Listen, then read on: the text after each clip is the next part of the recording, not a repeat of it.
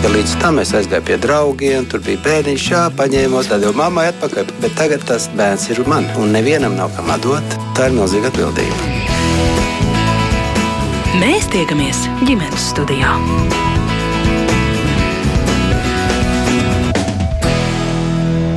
Labdien! Priecājos sveicināt jūs visus ģimenes studijas klausītājus. Mans vārds ir Agnes Linka, šī ir anima producenta Ilza Zvaigzne un sarunas temats šodien ģimenes studijā. Kā ar šī brīža notikumu kontekstā ir vērtējama mūsu Latvijas jauniešu sagatavotība civilajā aizsardzībā un um, tam līdzīgā tematikā. Kas to veicina vai kā kaut kā kavē, to arī skaidrosim šodien ģimenes studijā.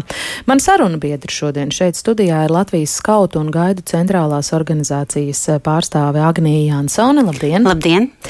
Telefoniski mums pievienojas pulkveža leitnants, pulkveža Oskara Kalpaka profesionālās vidusskolas direktors Inta Ginters Kušners. Labdien! Labdien! Un arī dzene jaunsardzes centra direktors pulkvedis eh, Leitnants eh, Aivis Mirbaks kopā ar mums ģimenes studijā arī sveiciens arī jums. Labdien! Jā, es piebildīšu, ka šodien, kā ierasts, mēs gaidīsim arī jūsu klausītāju komentārus, viedokļus, piebildes, ja jums kas ir sakāms mūsu šīs dienas raidījuma temata sakarā, mūsu sarunas gaitā. Droši rakstiet mums, sūtiet ziņas no Latvijas radio mājaslapas un droši vien, ka varat arī speciālistiem uzdot kādus sevi interesējošus jautājumus. Es sākšu ar jautājumu par to, kas mums varētu dot kādu pārskatu par uh, šo raidījumu ievadā formulēto jautājumu. Nu, respektīvi, jūsu viedoklis, vai Latvijas jaunieši ir zinoši, informēti un rīcības spējīgi, ja mēs runājam par eh, civilo aizsardzību? Es laikam pirmajam vārdu došu Interam Kušneram, kā, kā profesionālās militārās vidusskolas eh, direktoram. Jūs saskaraties ar tādiem lieliem pusauģiem, eh, kādi, kādi viņi nonāk jūsu redzes lokā. Inter. Jā, labi. Jā, labdien! Tātad par, runājot par jauniešiem un viņas sagatavotību, es domāju, ka uh, lielu un milzīgu darbu šobrīd uh, un jau ilgstoši jaun, jauniešu sagatavošanai jebkura veida krīzēm veids jaunsardzes centrs. Pie mums jau viņi atnāk tie, kas ir bijuši jaunsardzē, vismaz tā kā šobrīd tā ir viena trešā daļa. Tie, kas ir bijuši jaunsardzē dažādos līmeņos, un tad tie, protams, tie, kas ir bijuši jaunsardzē iesaistīti, uh, tie jaunieši ir daudz, daudz robustāki, viņi labāk orientējās situācijā, ir, ir sapratni par lietām, ko vajadzētu darīt un kā arī analizēt un uztvert šo te informāciju, kas nāk un kas ir pieejama sabiedriskajos mēdījos, gan arī sociālajos tīklos. Jā, ja mēs runājam ah. par tiem, kas nav bijuši, nav pabijuši jaunsardzes rindās. Jā, nu tad ar viņiem, jā, šobrīd ir, viņi, droši vien jāstrādā daudz vairāk nekā tiem, kas ir bijuši ansardzē, bet šeit droši vien ir jāskatās uz vecumu posmu kā tādu, jo pie mums atnāk jau jaunieši 16 gados, Un 16-gadīgi jaunieši ir tomēr arī gan skolās un, un, un citās organizācijās ir jau tā kā saskārušies ar kritisku domāšanu un informācijas analīzi.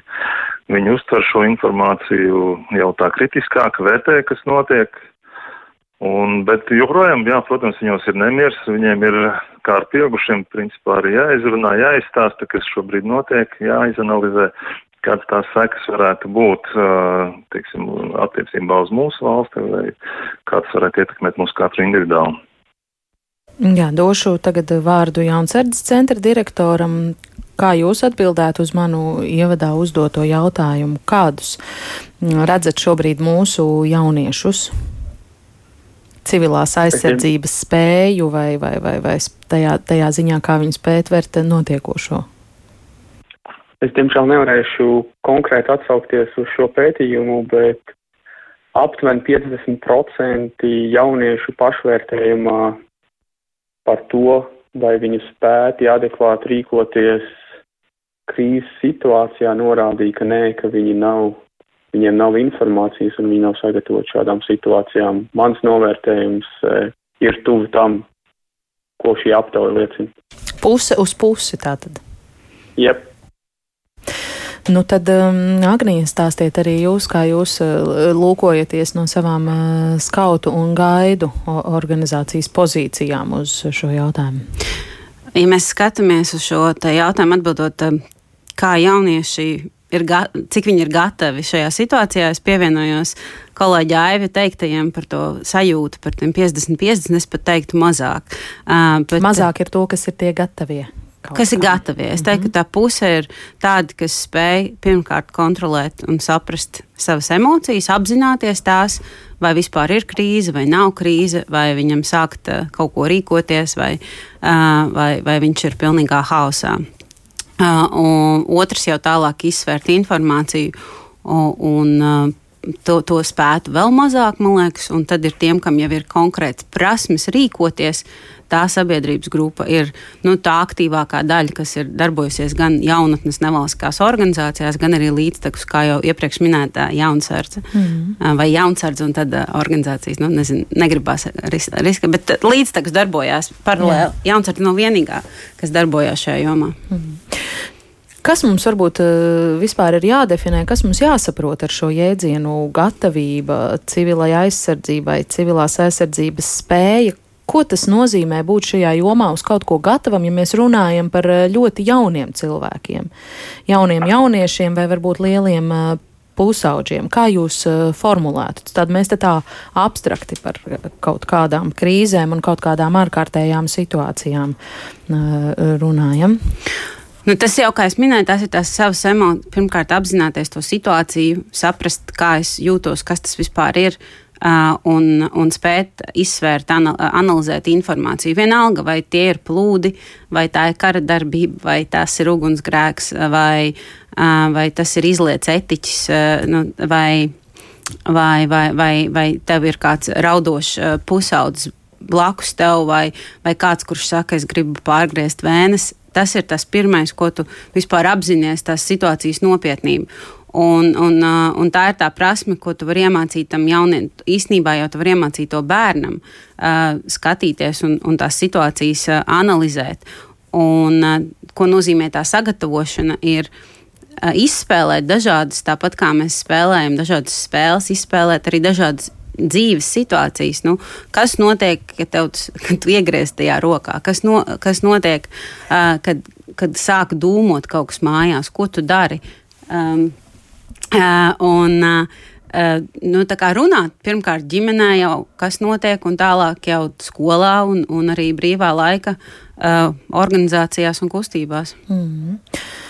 Ko papildināsiet vai piebildīsiet, uh, Inter? Jā, nu es piekritīšu, ka ir jāizspēlē jauniešiem šīs situācijas, lai viņi gūtu tās praktiskās iemaņas, bet jāsāk droši vien visvienkāršāko ir šī te informācijas analīze, jau novērtēšana situācijas un droši vien, kad arī jauniešiem, tieši jo mazāki viņi ir, tad š, būtu svarīgi iemācīt viņiem ziņot, ziņot vecākiem par jebkura veida krīzi, uzrunāt skolā attiecīgos speciālistus, kad viņam ir aizdoms, ka ir kaut kāda krīze, tas to minēja kolēģi, par kaut kādu emocionālo stāvokli kāda no klases biedriem. Šīs ir tās lietas, kas būtu jāiemāc primāri, kad viņam nevajadzētu varbūt uzreiz pašam skriest un mesties, bet izvērtēt mierīgu situāciju un tad uh, tad arī informēt attiecīgos dienas vai speciālus, kas viņam ir tūmā apkārtnē, ko tev vecāks pieņems lēmumu, kā rīkoties tālāk.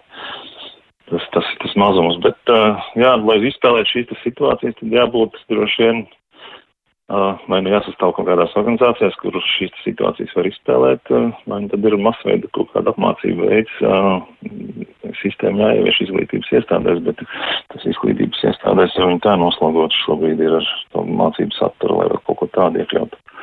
Nu jā, valsts aizsardzības mācība, kā zināms, mums skolās kā priekšmets tiks ieviests no 2024. gada, bet par to varbūt nedaudz vēlāk. Aivi, kā jūs teiktu, ko nozīmē mm, jaunietim būt civilās aizsardzības jomā adekvāti sagatavotam? Es varu pievienoties Agnijai tik tālu, ka es uh, arī pilnībā piekrītu, ka ir jāsaprot, ka šīs situācijas var būt ļoti dažne dažādas, un uz katru situāciju ir savs jārēģē savādāk. Pirmkārt, tad otrkārt jau, ko Inters minēja, pilnīgi pareizi, ka mums ir jā, jāliek prioritātes tiem tematiem, kuri mūsuprāt mūsu sabiedrībā ir aktuālākie no civilās krīzes, un jāmāca viņiem pašiem primāri atrast risinājumu. Un cik es saprotu par valsts aizsardzības mācību, tad mēs runāsim vēlāk, tad es varētu tad arī piemēru nosaukt, kā mēs darām ar, kā valsts aizsardzības mācībā tiek mācīts eh, rast risinājumu civilās krīzes situācijās. Es domāju, ka stāstiet tagad uzreiz. nav, ko, nav ko vilkt garumā. Jā, detalizēt par pašu mācību skolās mēs droši vien šodien nepagūsim, bet, bet tas, kas jums ir sakāms šai sakarā, droši tagad. Jā, tad valsts aizsardzības mācības ietvaros mums ir trīs kursu modeļi. Tā ir pilsoniskā aktivitāte valsts drošības kontekstā, kur mēs stāstam par visaptvarošo valsts aizsardzību. Tad ir noturība krīzes situācijās un vadība, un pēdējais valsts aizsardzības iemaņas, un tad noturība krīzes situācijās ir tas moduls, kura ietvaros mēs tad jauniešiem stāstam, kā reaģēt dažādās katastrofās vai krīzēs.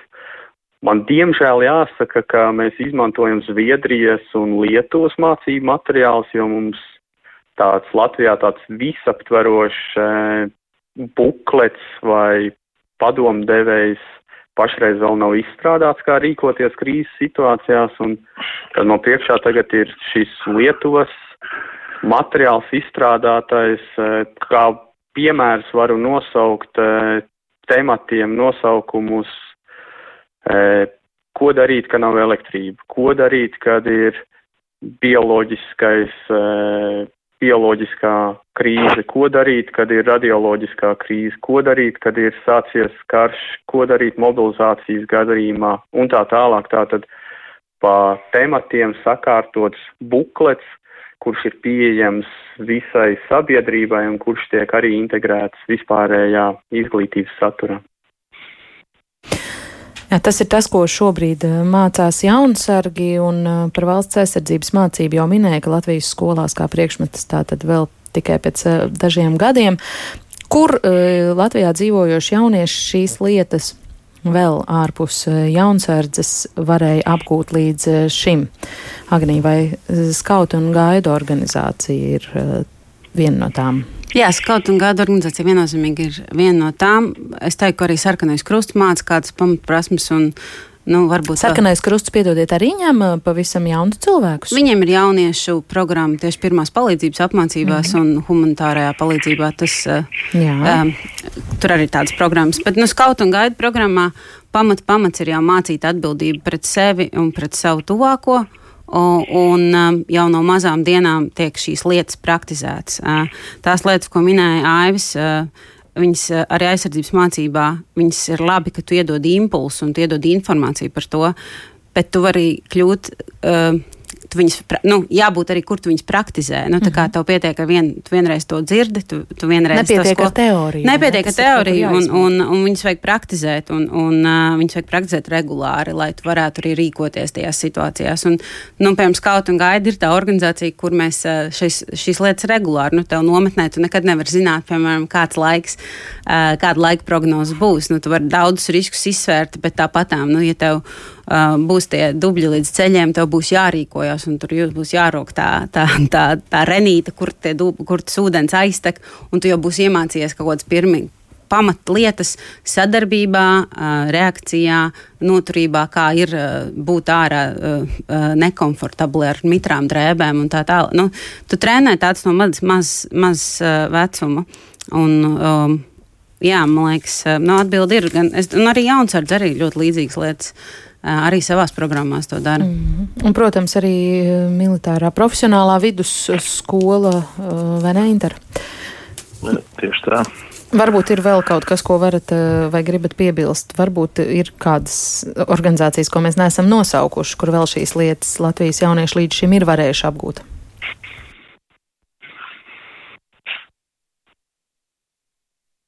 Ja mēs runājam par tiem jauniešiem, kuri ir 18, plus, tad ir brīvprātīgie ugunsdzēsēji, kuriem arī ir jaunās programmas, kas ir tieši tiem jaunākajiem jauniešiem, ja, jaunākajiem pieaugušajiem.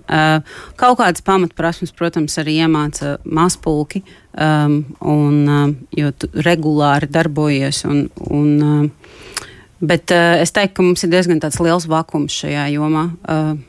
Uh, tieši no tādas sabiedrības viedokļa um, nu, ir maz tās organizācijas, kas to dara. Ļoti mm -hmm. maz.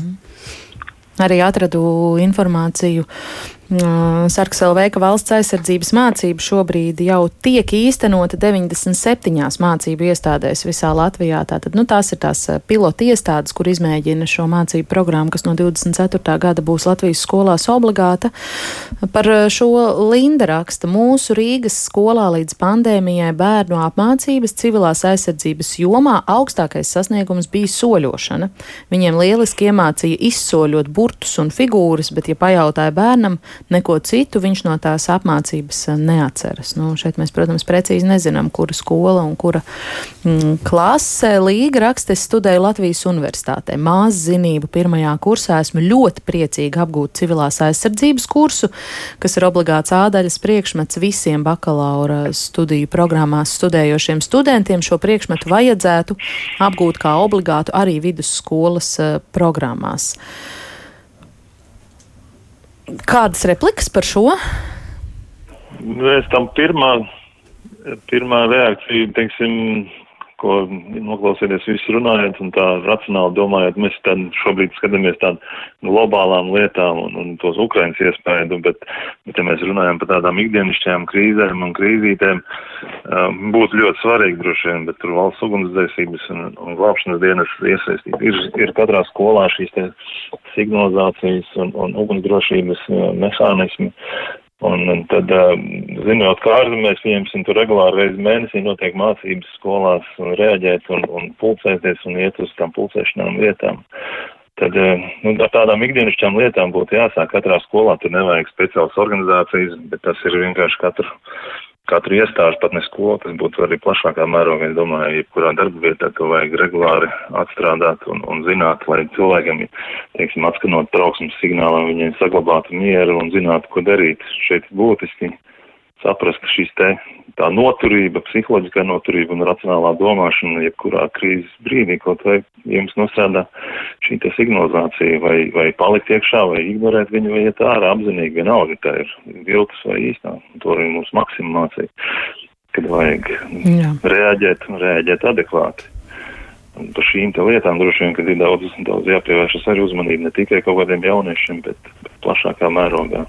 Nu, jā, mēs gan šodien mēģinam par jauniešiem, jau plašākā mērogā jau mm, parasti runājam. Um, Agri, jūs gribētu kaut ko tādu? Tikai papildināt, mm. mēs runājam par jauniešiem, bet, uh, bet bieži vien tad, kas strādā ar šiem jauniešiem, un tas ir ļoti būtisks jautājums un vai tiem skolotājiem, skolu vadītājiem uh, ir šīs zināšanas, vai, vai mēs uh, arī viņus pietiekami uh, trenējam, lai viņi varētu šīs uh, evokācijas uh, lietas izveikt skolā. Tā ir ļoti laba praksa, un ir skolas un ir bērndārs, kas to izveic un to praktizē. Tas ir tāds uh, ļoti izlases kārtībā, bet uh, tur noteikti ir potenciāls, kur tādas lietas uh, tajā ilgtermiņā praktizēt. Tā ir viena lieta, un otra lieta ir, uh, nu jā, kas tad uh, beigās ir. Uh, Jā, kas ir, kas ir tie cilvēki, kas strādā? Nu, viena ir jaunsargu instruktori, viena ir skautu gaidu brīvprātīgie vadītāji, sarkanā krusta speciālisti. Kas vēl ir tie cilvēki, kas strādā ar tiem jauniešiem? Man liekas, tas ir vesels bloks, uh, varbūt citai sarunai, bet, ja mēs runājam par jauniešiem, tad mēs skatāmies, kas ir šie jaunatnes darbinieki. Mm.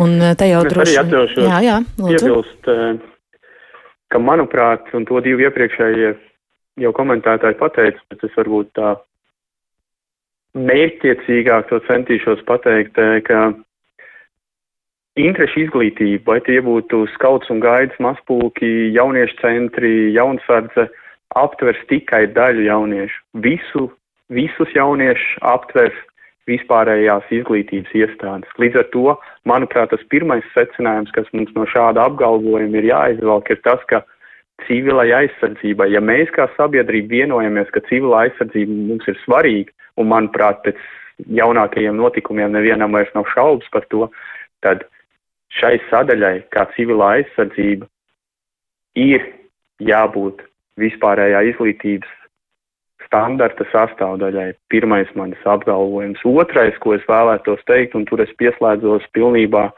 Agnijai, ka ja mums ieplūst vispārējā izglītības standartā šāds temats, tad ir jābūt kopīgam standartam, ko mēs apmācam. Un tur tas pirmais komentārs, ko jūs nolasījāt, ir pilnīgi adekvāts, jo katrs, nezinu, civilās aizsardzības, diemžēl, līdz šim saprot kaut ko citu. Līdz ar to mums ir jābūt vienādam standartam, ko tam mēs mācam, mēs vienojamies, kas mums šķiet svarīgs no civilās aizsardzības, izvelkam šos tematus, cik daudz mēs katram tematam atvēlēsim, un kurš viņus pasniegs, un kā mēs sagatavosim tos cilvēkus, kurš to pasniegs. Paldies! O jā, par šo bija daudz bažu. Mums bija viens eh, valsts aizsardzības mācības ieviešanai eh, Latvijas skolās atsevišķi veltīts raidījums, un tad eh, ļoti liels jautājums izkristalizējās, kas to mācīs. Nu jā, droši vien tagad atsaucoties uz Lindas komentāru, lai negadās tā, ka iemāca tikai izsoļot burtus un figūras, jo neba nu tā būs tā civilā aizsardzība. Inters gribēja vēl ko komentēt. Man liekas, ka jūs ievilkāt elpu. Paldies, nē. nē. Es uh, vēl nedaudz par līgas komentāru domājot, atceros uh, par to, ka visi studējošie, nu tā tad 18, 19, 20 gadu vecumā, kas um, apgūst bakalaura um, studiju programmas, ka visiem tiem uh, tiek šis civilās aizsardzības kurs brīvprātīgi obligātā kārtā. Goda vārds nav lepnums atzīties, bet pirms 20 gadiem mm, universitātes solā šo civilo aizsardzību mācoties, nu, tas bija. Um, tas bija komiski, kā mēs to mācījāmies, un uh, tam, tam nebija liels vērtības, ja godīgi. Es ļoti ceru, ka, ka tagad augstskolās kaut kas ir mainījies attiecībā uz to, kā šis kurs tiek uh, pasniegts un kāda ir arī studentu attieksme. Jo, ja godīgi tagad patinot atmiņu rulli atpakaļ, man šķiet, ka mēs pat nesapratām, ko mums tur stāsta un kāpēc mums to vispār stāsta vai situācija šai ziņā varētu būt mainījusies. Agnija dikti smaida un māja ar galvu. Visu. Es atceros, man liekas, arī 20 gadus atpakaļ ja universitātes solo sēdēju un um, tepat Kronvalda bulvārī jā, 4. Jā. Uh, un, un tur tā, tie, tas bija diezgan komiskas lekcijas. Uh, Un testa rakstīšanas, es atceros, mums izšķirt, kura gāze ir bīstamāka. Un, testā viss mēs nu, dabūjām labas atzīmes. Mm. Bet, Bet to, ko es šobrīd esmu dzirdējis no jauniešiem skautos un gaidās, kad ir arī dažādi. Nu, citu, citās universitātēs ir bijis, ka tas ir e-kurs, kur tu pats ieeji un, un, un noskaties kaut kādas prezentācijas, un tas būtībā uz tavu atbildību ir. Un ir atkal ir mācību iestādes, augstākās mācību iestādes, kur diezgan nopietni pieiet un arī arī uh, ar dažādiem praktiskiem elementiem, um, ka tās lekcijas nav vienkārši savas atsēdēšana. Tas ir atkal uz tā indivīda, kurš tad ir tas, kurš māca atbildību. Vai viņš nolasa un dabūja ķeksīt, ka viņš ir nolasījis lekciju 500 uh, studentiem, vai viņš uh, īstenībā ir tiešām iedevis zināšanas, pārbaudījis viņus un viņi māk viņus pielietot. Mm -hmm. Kungiem par šo ir kāds komentārs? Aivi? Jā, labprāt. Tad, manuprāt, mūsdienu ģeopolitiskajā situācijā tā motivācija, kāpēc ir nepieciešama civilā aizsardzība, manuprāt, tālu nav jāmeklē. Katrs, kurš ir sekojis pēdējās dienas līdz notikumiem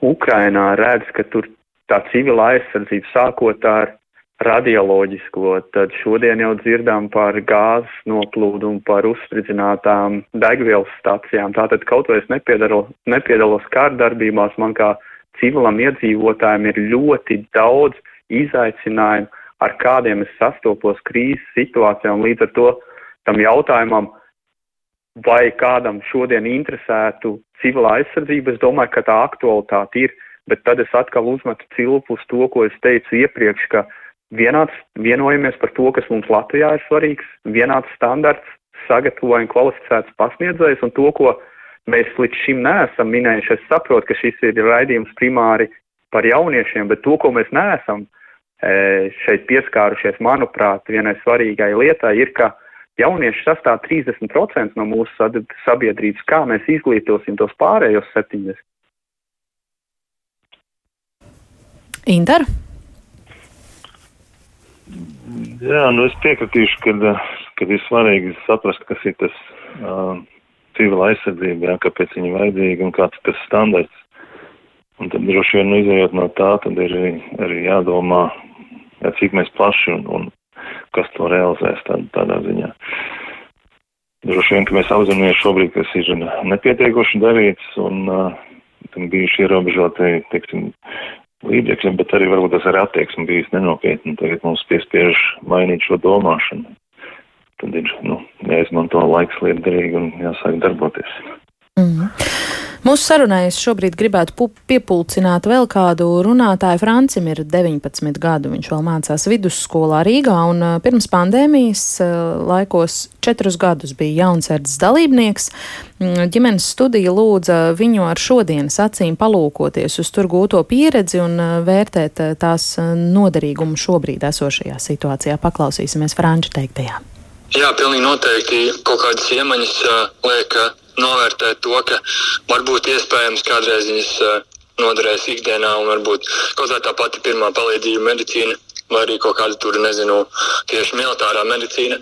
Kā arī man saistībā ar jaunsardzi pirms pāris gadiem sanāca piedalīties internacionālā nometnē, kas notika Lietuvā, kas saucās Baltic Guard, kurā bija arī Ukrāņu cilvēki, Tā ka bija arī komunikācija ar viņiem, un jā, tas bija tās mācības kopā, un tad mēs arī dalījāmies ar pieredzēm, ko katrs ir darījis, mācījies. Tas viņu līmenis ir arī diezgan augsts, un uh, man prieks par to, ka toreiz sanāca dalīties ar pieredzi ar viņiem. Kāds ir šobrīd vispār tas jauniešu jūsu vienaudžu noskaņojums kopumā? Tas apkārt esošo viedoklis par to, kas notiek šeit mūsu nu, reģionā. Jā, tas viedoklis, protams, ir, ka tas ir briesmīgi un tam līdzīgi. Man liekas, ļoti daudz cilvēki tā kā ir ļoti sastresojušies, jo viņi īsti nezina, ko viņi varbūt darīt tādā situācijā un tādā ziņā tieši jaunsardzes pieredze ļauj būt mazliet mierīgākam par to, ka kaut kādās šādās situācijās zināšu, kā rīkoties. Un es domāju, ka ļoti daudz jauniešiem būtu labi arī uzzināt kaut kādas kaut vai tādas uh, pamatlietas par uh, kaut kādu militāro sfēru, lai, nu, ja nu kas, lai varbūt nav kaut kāds tik liels, nezinu, stress, panika, lai ir kaut kāda doma sakārtotība, jo kā jau, ja cilvēkam ir panika, tad jau viņi sāk taisīt paniku apkārt, un tas, nenovada pie labiem ceļiem. Manuprāt, vajadzētu tādu lietu izveidot, lai cilvēki zinātu, ko darīt. Mm. Kas ir tās pamatlietas, ko, piemēram, jaunsardzē var iemācīties? Kas šobrīd jums dod sajūtu, ka es neesmu ļoti sastresojies, kā varbūt pārējie vienaudži? Manuprāt, tas tieši varbūt arī medicīnas viedoklis, ka tu zini, ko darīt varbūt tādās ne tikai kā pirmās palīdzības līmeņa uh, lietas, bet arī mazliet vairāk, ka tieši tā, nezinu, palīdzēšana citiem un uh, darboties ar ieročiem. Varbūt tas nav pats galvenais, bet, nu, vismaz, ka tu zini kaut kādas pamatlietas, varbūt tas arī dod tādu drošības sajūtu mazliet vairāk. Un, uh, tieši tā medicīna vairāk, man liekas, nomierina. Kā ir, no kurienes jūs, no kurienes jauni cilvēki šobrīd visvairāk gūst informāciju par notiekošo? Kā jums šķiet, kas visvairāk formē veido to viedokli par Ukrainā notiekošo šobrīd tieši jauniešiem Latvijā? Tieši par jauniešu uzzina šo informāciju ir TikToks, diemžēl. Un TikToks nav laba vieta, kur uzzināt informāciju, kā jau es arī klasē novēroju to, ka tur ir ļoti liela dezinformācija. Tur liek totāli random lietas, un uh, tad, tad kā nezinu to savotu, no kurienes tas nācis. Tāpēc vislabāk šo informāciju skatīties tieši ziņu portālos, kur šī informācija ir uh, mēģināta līdz pēdējiem pārbaudīt, cik viņi tā kā ir patiesi. Jo, nu, principā, mūsdienās arī tagad ir tas uh, informācijas karš vai kas tāds, jo nu, cilvēki ļoti ir uh, dezinformēti par to, kas tiešām notiek. Tas TikToks, man liekas, tā bišķiņa šajā gadījumā slikti iespaido. Vai jūs ar savu skatījumu, ar savu sapratni par lietām, arī esot vienaudžu vidū, iesaisties kaut kādās diskusijās, mēģināt kaut ko izskaidrot? Jā, es principā vienmēr iesaistos diskusijās, jo parasti šīs ziņas, ko man jaunieši apkārt runāja, tikai jau es minēju no TikToka, un tad es vienmēr viņiem pamatoju to, kā varētu būt drīzāk nekā tur ir pateikts. Jo, nu, es tomēr skatos šos, tā, kā jau es minēju, mūsu ziņu portālus. Un ja man arī ļoti nepatīk tas, ka, teiksim, vienaudži uzzina kaut kādas ziņas, šīs nepareizās ziņas, un uzreiz dalās ar citiem, nepārbaudot to, cik viņas ir patiesas. Atkal, un viņas tā kā ļoti ātri izplatās, un tad arī radās kaut kāds nepamatots stress un tāda mini panika.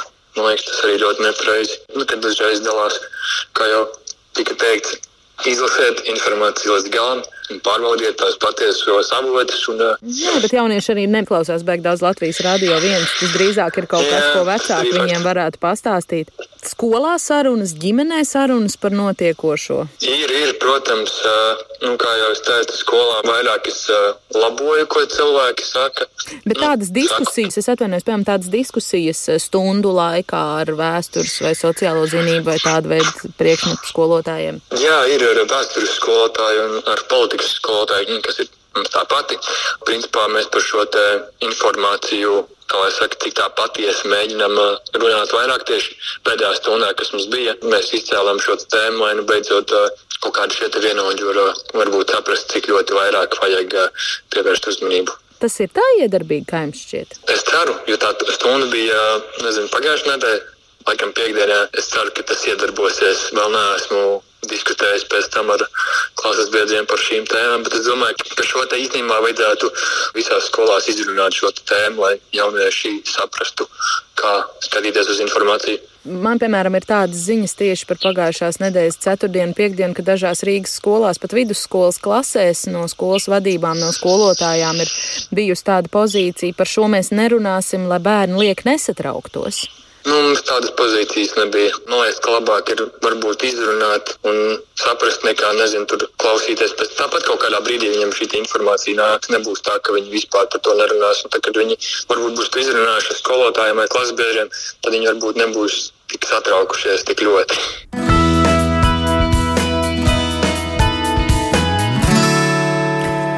Es zināšu, kā rīkoties. Tā mums eh, saka Francis, 19-gadnieks ar 4 eh, gadu iepriekšēju pieredzi jaunsardzēs. Atgādināšu, ka ģimenes studijā mēs šodien runājam par jauniešu gatavību civilās aizsardzības visdažādākajām eh, situācijām, kāda tā ir. Mēģinam saprast un izspriest. Man saruna biedri šeit studijā klāt ir Latvijas skautu un gaidu centrālās organizācijas pārstāve Agnija Jansona, bet telefoniski ar mums kopā pulkveža leitnants pulkveža Oskar Kalpaka profesionālās vidusskolas vidusskolas direktors Inters eh, Kušners un jaunsardzes centra direktors pulkvedis leitnants Aivis eh, Mirbahs. Es eh, varbūt Aivi jums arī pirmajam lūkšu komentāru, vai bija kaut kas, ko puisī klausoties gribētos uzsvērt, akcentēt? Pirmais un svarīgākais, man liekas, ir, ka klausoties šādos jauniešos, man ir pārliecība, ka mēs ejam pareizā virzienā. Tas ir pats svarīgākais. Tik nobriedīs, argumentēts, vēstījums, pilnīgi sirds, sirds cien. Bet par detaļām tad, skatoties tagad, kas notiek Ukrainā, pāršķirstīja vēl vienreiz mūsu valsts aizsardzības mācības plāns, jaunsardzes plāns un secināja, ka mums viņi ir uzrakstīti diezgan idealizēti, naivi. Līdz ar to mums būs jāpārskat šie plāni, un ja mēs vēl, vēl šeit, šajos plānos lielu uzsvaru liekam uz, uz dziesmoto revolūciju, kas mums e, saistās ar barikādēm vispārējo, kas, protams, arī ir svarīgi, tad mēs redzam, ka tomēr mūsu vēsturiskais kaimiņš, kurš nemainīsies, e, un tā aktuālā ģeopolitiskā situācija mums tomēr liek pārskatīt un būt daudz realistiskākiem un e, runāt par lietām tādas, kā viņas ir. Neizskaistināt, ka būs mums e, kara gadījumā jāiet karot un līdz ar to viss šīs saistītās e, darbības, kas mums būs jāveic. Agnē, ko domājāt, e, puisī klausoties? Pievienojas Āvim Malets mm. puisis, un es domāju, ka līdzīgi ir arī ar tiem jauniešiem, kas caur skautiem gaidām, ka nu, pētījumi rāda tie, tie jaunieši, kuri pastāvīgi ir brīvā laika um, tas ir bijis pa skautiem, ka viņi darbojas vismaz četrus gadus. Tad uh, viņiem šīs prasmes ir palikuši, paliek uz mūžu. Es domāju, ka līdzīgi arī var piemērot uh, jaunsardzes programmu. Prieks, ka tas ir reāli strādā, klausoties uh, Franciju. Mm. Inter? Jā, piekritīšu kolēģiem. Jā, Francis uzlika ļoti tādus pareizus akcentus, jā, kas jauniešiem ir nepieciešami, lai būtu šī te jā, miera sajūta iekšējā, ja psiholoģiskā noturība, Tad ir šīs zināšanas un prasmes jāapgūst, tur orientēties. Pirmā medicīniskā noteikti svarīgs aspekts un, un daudz citi droši vien, ko viņš uztraukumā nepieminēja, bet uh, jā, ir lietas, kas, kas notiek mums un ir, kas ir jāņem vērā šī brīža notikumi. Droši vien, kad uh, jā, tas runāšanas ar puķītēm droši vien ir laiks beidzies, ir, ir jāskatās mazliet skarbāk un reālāk uz to, kas notiek mums riņķi apkārt. Mhm. Agnē, vēl ko gribēju? Jā, Francis arī pieminēja šo skolotājas aspektu, ka skolotāji nebaidījās, viņi neteica, mēs par šo nerunāsim, bet viņi īstenībā izveica uh, nodarbību uh, par šo tēmu, kur, kur ir noderīga uh, šajā Ukrainas uh, kontekstā. Un, uh, Te, te var tikai iedrošināt citus skolotājus izveikt līdzīgus uzdevumus. Nu jā, nu šīs ir tas stāsts, kā Inters saka, runāšana caur puķītēm, jo nu, tiešām no jā, jādomā varbūt arī par to šīs dienas situācijā un tas, ko mēs saprotam kā informatīvo uh, karu, cik no civilās aizsardzības viedokļa svarīgi ir tā ne tikai tās praktiskās iemaņas, bet arī tā informētība. Nu, piemēram, cilvēkam ir 18, 19 gadu, ja, nu vai 16 vai 17. Viņš ir tur rīcības spējīgs, bet viņš nesako ziņām, viņš skatās TikTok kas tad eh, noformē viņa viedokli vispār par notiekošo. Un tur ir visvisādi brīnumi arī šajās dienās. Speciāli esmu paskatījusies, pastiprināt. Man arī bērni to platformu lieto, un, un es gribu zināt, kas tur um, notiek. Un tad tos jauniešus nebiedē arī skolotājus, jo viņas pašas ir uh, nobijušās. Piedod, piedodiet, tā tiešām ir mana informācijas. Nevaru saukt uh, skolu un vārdus, uzvārdus vai klases, bet uh, tiešām tāds stāsts, ka, ka, ka vidusskolniece saka, ka ir priekšmets skolā, kuros pārunā ar skolotājām kaut ko par karu Ukrainā, bet nu, tad tur, piemēram, atnāk cits skolotāji, pasaka, mēs par to nerunāsim, jo tas rada ļoti lielu stresu bērniem. Un eh, meitene būtībā tam piekrīt. Viņa saka, viņai ir bail, un tad līdzīga situācija arī ir sporta komandā, kur arī ir tas pats konkrēti pateikts par to, mēs nerunājam. Nu, kur tad ir tā robeža starp apspriest, neapspriest vai, vai runāt kaut ko caur puķītēm? Nu, arī nevar pārmest tiem skolotājiem. Viņi ir izgājuši cauri divu gadu pandēmijai, jau, un tas viņiem viņi ir noguruši. Ne, nu, ne, mēs nevaram visu sagaidīt. Tagad vēl ir kar, nu, kara darbība, un zināt, lai tas skolotājs vēl zina, kā rīkoties un kā runāt par šo. Nu, tā kā, tā, tās bija divas dienas, kas bija pagājušā nedēļa mācība, ceturtdiena, piekdiena. Un, un es ticu, ka, ka, ka kāda skolotāja ir izvērtējusi un mainījusi, un šonadēļ jau kādas uh, diskusijas savā klasēs veiks un runās vairāk. Es domāju, ka tas pirmais šoks būs pārgājis arī daļai skolotāju. Uh, un tie ir pieaugušie, tie ir mācību spēki. Jā, bet mēs visi esam cilvēki. Un citreiz varbūt kāds no tiem pašiem jauniešiem, iespējams, tas pats Francis vai, vai es domāju, nezinu, Jānis vai Madara uh, no citām, nu, kur, kur viņi paši var izveikt savu jauniešu vidū šādas sarunas un ierosināt mm. skolotājiem, ka viņi uh, paši var moderēt. Es domāju, ka arī citiem jauniešiem ir tās prasmes un palīdzēt skolotājiem. Tā ir sadarbība. Nav tikai um, skola, tikai militāra ir. Eh, mēs visi esam viena nu, sabiedrība un mēs varam sadarboties. Aivi, ko teiksiet par šo? Pirmkārt, manuprāt, vispār nevar būt temati, kur ir tabū temati par jebkuru tematu e, demokrātiskā valstī, kāda ir Latvija, ir jābūt iespējai diskutēt ar argumentiem un ar normālu balstoni. Mēs e, par jebkuru tematu varam veikt šo diskusiju. Līdz ar to, manuprāt, e, uztaisīt tabū tematus un lai kāds būtu kāda jaunieša apgalvojums, mums viņš ir jāspēj apgāst ar, ar argumentiem, nevis ar tēmas aizliekšanu. Tas ir pirmkārt. Otrkārt, un te mēs atkal, manuprāt, jau trešo kūleni esam uzmetuši, bija viens no sākuma punktiem, ko mēs runājām, bija kurš tad būs, kurš pasniegs? Nu, mums, diemžēl, jāatzīst, man arī par savu iestādi jāatzīst, ka nav vienkārši veikt šo paradigmas maiņu, jeb laust pasniedzēju konkrēti jaunsargi instruktoru un man pašam arī savu domāšanu, kā mums šādās situācijās, šajā jaunajā izaicinājuma laikā ir eh, jāpasniedz un jābūt gataviem runāt par jebkādiem tematiem. Tas nav vienkārši. Mm -hmm. Par skolotājiem runājot, pasniedzējiem Anita mums raksta, viņa grib pateikt, ka militārā mācība ir vidusskolās, nu, protams, tajās 97 ir, visās vēl nav, eh, jo viņas dēls jau desmitā klasē vienu vai divas reizes mēnesī devās uz mācībām, tagad 11. klasē mācās un vēl 23. februārī mācījās salikt automātu, tikai jaunieši nesaprot, kāpēc tas virsnieks visu laiku uz viņiem kliedz, brīžiem nevar saprast, ko viņš vēlas. Droši vien vien, ka ir arī tādas situācijas par balss toņiem runājot, bet. Um, Vēl tāds jautājums, ko eksperti šobrīd ieteiktu atbildēt jauniešiem, kuri prasa, vai mani iesaugs armijā, un to prasa 15 un 16 gadīgi jaunieši. Inter, varbūt jūs komentēsiet, ko atbildēt? Jā.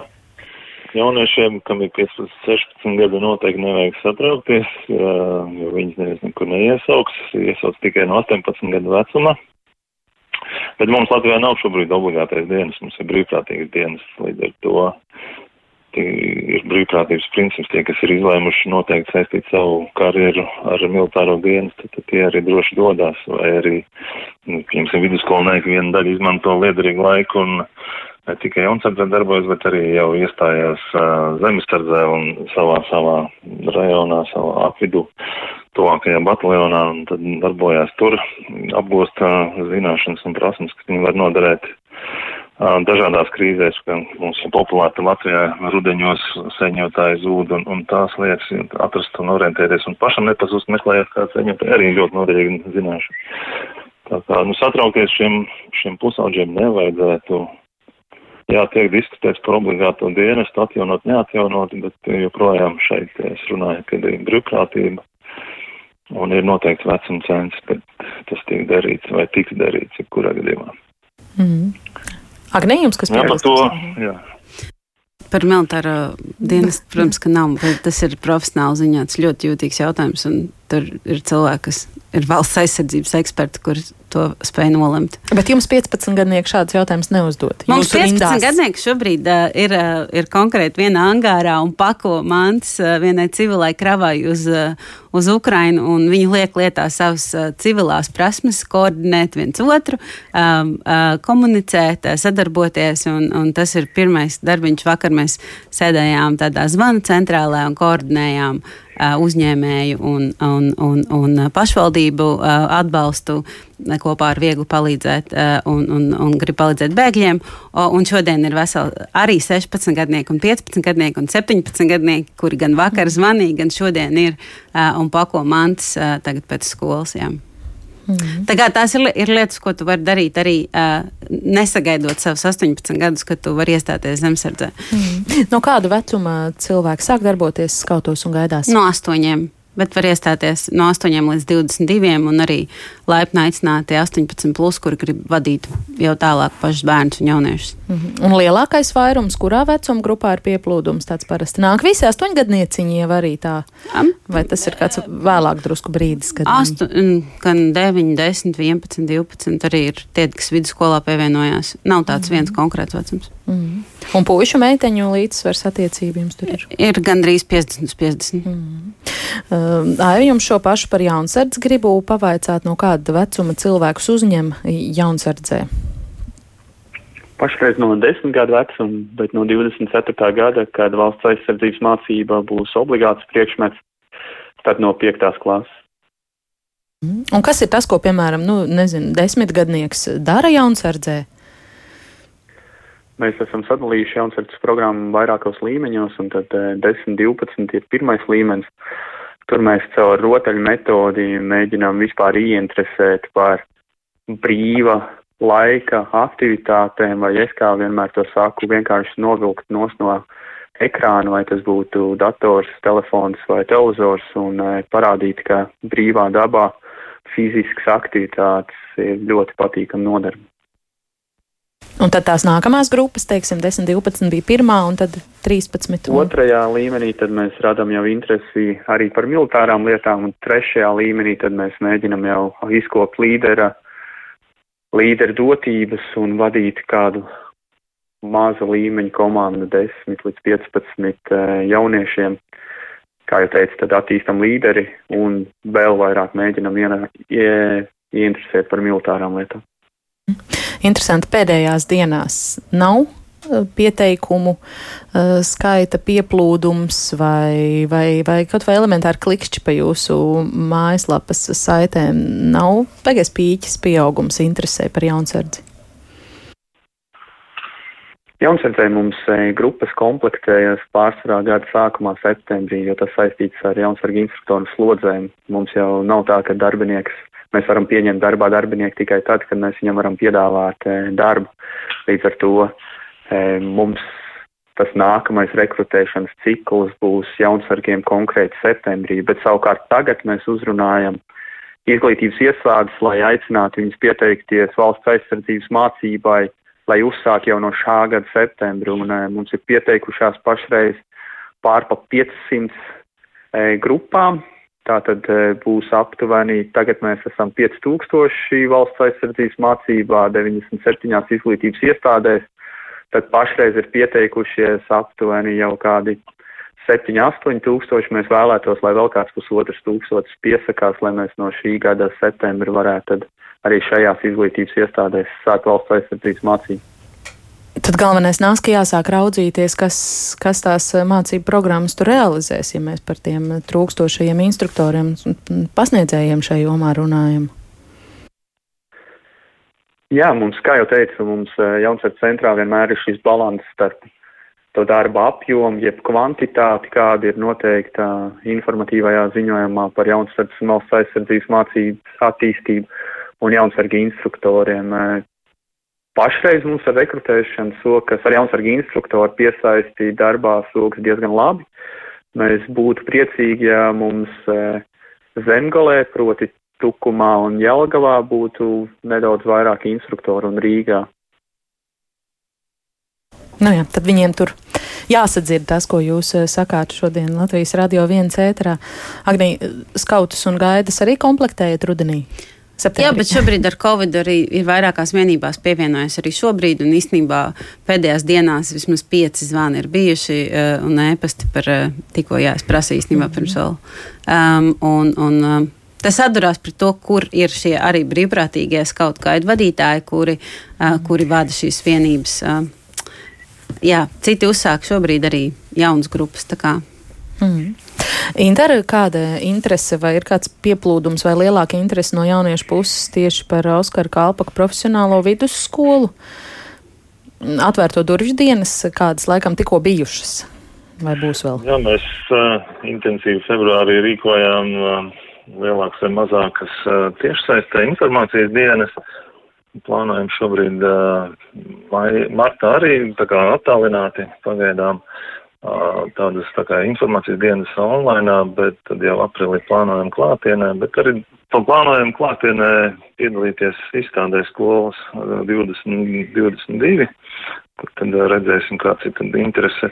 Bet, nu, teiksim, šodien tā uzreiz nepateikšu, vai ir kaut kāda lielāka interese vai mazāka interese par par, par dalību mūsu skolā, bet, eh, jā, nu, ka, ko mēs skatāmies, kā pa, paplašināt to jauniešu sapratni par situāciju, mēs vismaz sāksim te šonadēļ ar jau, kaimiņu skolām, mēs gatavojam tad tā kā lekciju par, eh, par, eh, jā, kā, kā kā, kā uzvesties krīzē, kas ir krīze kā tāda, lai tad nomierinātu šos te jauniešus un arī, arī palīdzētu par kaimiņu skolu pedagogiem, tad arī papildus droši vien skatāmies, varbūt tās ir, būs interesi, tad, tad piedāvāt, varbūt attālināt, jo uz visām skolām mēs fiziski neizskrēvīsim, bet varbūt noziedot laiku un, un online kādām citām interešu skolām tad izstāstīt mūsu redzējumu, kā strādāt ar jauniešiem un kā sagatavoties krīzēm.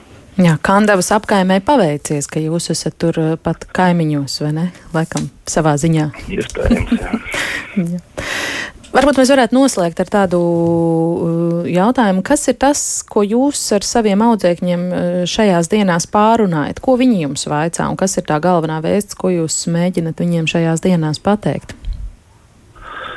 Tas būtiskākais mūsu attieksme ir tā, ka mēs uzskatām, ka jārunā jauniešiem, jo viņi kaut kādā veidā tāpat runā vai, vai iegūst šo informāciju. Tad uh, mēs galvenokārt uh, izstāstam to, kur mēs atrodamies, kā, kā Latvija, kā valsts, kas ir mūsu sabiedrotie, ko dara sabiedrotie, kā mainās situācija šeit Latvijā, lai viņiem būtu šī pārliecība par uh, stabilitāti un uh, Latvijas bruņoto spēku un sabiedroto spēku uh, gatavību mūs aizstāvēt un kopīgiem spēkiem aizstāvēt. Kā arī būtiski uh, stāstīt par šiem te informācijas avotiem, uh, no kurienes tad gūt informāciju, no kā izvairīties, un tad mēs arī cenšamies es, savos saziņas tīklos tad dot viņiem informāciju jāpatiešo no saviem drošiem resursiem, lai viņi zinātu, kas notiek kaimiņos un, un kādu lēmumu tad arī varētu būt šeit Latvijā. Aivi, kādas sarunas jums notiek jaunsardzē ar dalībniekiem šais dienās? Aktuālākā vēsts. Man liekas, ka nedrīkst tā darīt, ka tikai, kad ir notikusi krīze, tad mēs sākam par to tematu runāt. Mums ir jābūt proaktīviem. Es jau vairāk kārtīgi to šai, šajā raidījumā uzsveru ar Latvijas vēsturi, ar ģeopolitisko situāciju. Un ne tikai šajās dienās. Mēs to redzējām Grūzijā, mēs to esam redzējuši Moldovā, mēs to redzējām 14. gadā Ukrainā. Un mums ir ļoti īsa atmiņa. Mēs nedrīkstam runāt un risināt krīzes vai aktuāls temats tad, kad kaut kas ir noticis. Mums ir jābūt pietiekoši apģērīgiem, lai mēs prognozētu, analizētu un proaktīvi jau rīkotos. Tam ir jābūt sistemātiskai pie, eh, pieejai, nevis šādai lēcienu veidīgai. Un līdz ar to mēs pastiprinātu uzmanību nevienam tematam, ja jaunietis pats neizrāda interesi par to, nepievēršam, jo mēs uzskatām, ka tas ir iestrādāts jau gan jaunsardzes, gan valsts aizsardzības mācības programmā, un mēs tam plānveidīgi sistemātiski pieejam. Protams, nemūkot prom no konfrontācijas un diskusijas par aktuālajiem tematiem. Paldies, un Agnija visbeidzot. Jā, līdzīgi mēs kā arī kā kolēģiem tikai pa, paplašinot, mēs vēl pieminam arī uh, savstarpējo cilvēku solidaritāti, cik būtiski ir vienam otram palīdzēt krīzes situācijās. Šajā gadījumā pēdējās dienās mēs esam ciešā saiknē ar, ar Ukrāņu skautiem un gaidām, kuri ir gan bumbu patversmēs un, un vakarā palīdz tiem pašiem maziem bērniem, kas tur sēž, nebūt bēdīgiem un, un, un būt modriem, kā arī stāstam, kā palīdz konkrēti skauti eh, šajā militārajā krīzē eh, dažādos eh, bēgļu plūsmu, gan, gan, gan citās pali pirmās palīdzības lietās, stāstot to, ka cik ļoti liela nozīme ir arī šī pilsoniskai sabiedrībai un, un, un savstarpējai un starptautiskajai solidaritātei.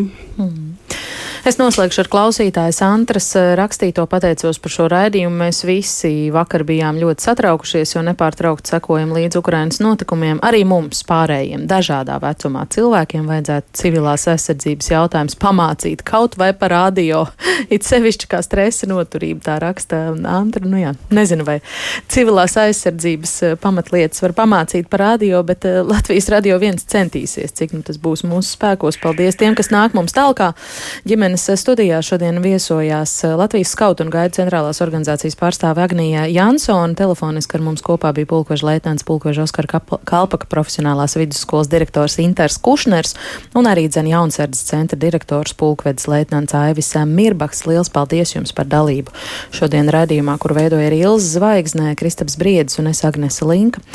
Aprēķina liecina, ka Latvijā ir nepieciešami vismaz 130 aba terapijas un Denveras metodas speciālistu, lai nodrošinātu agrīnās intervences pakalpojumus bērniem ar autiskā spektra traucējumiem.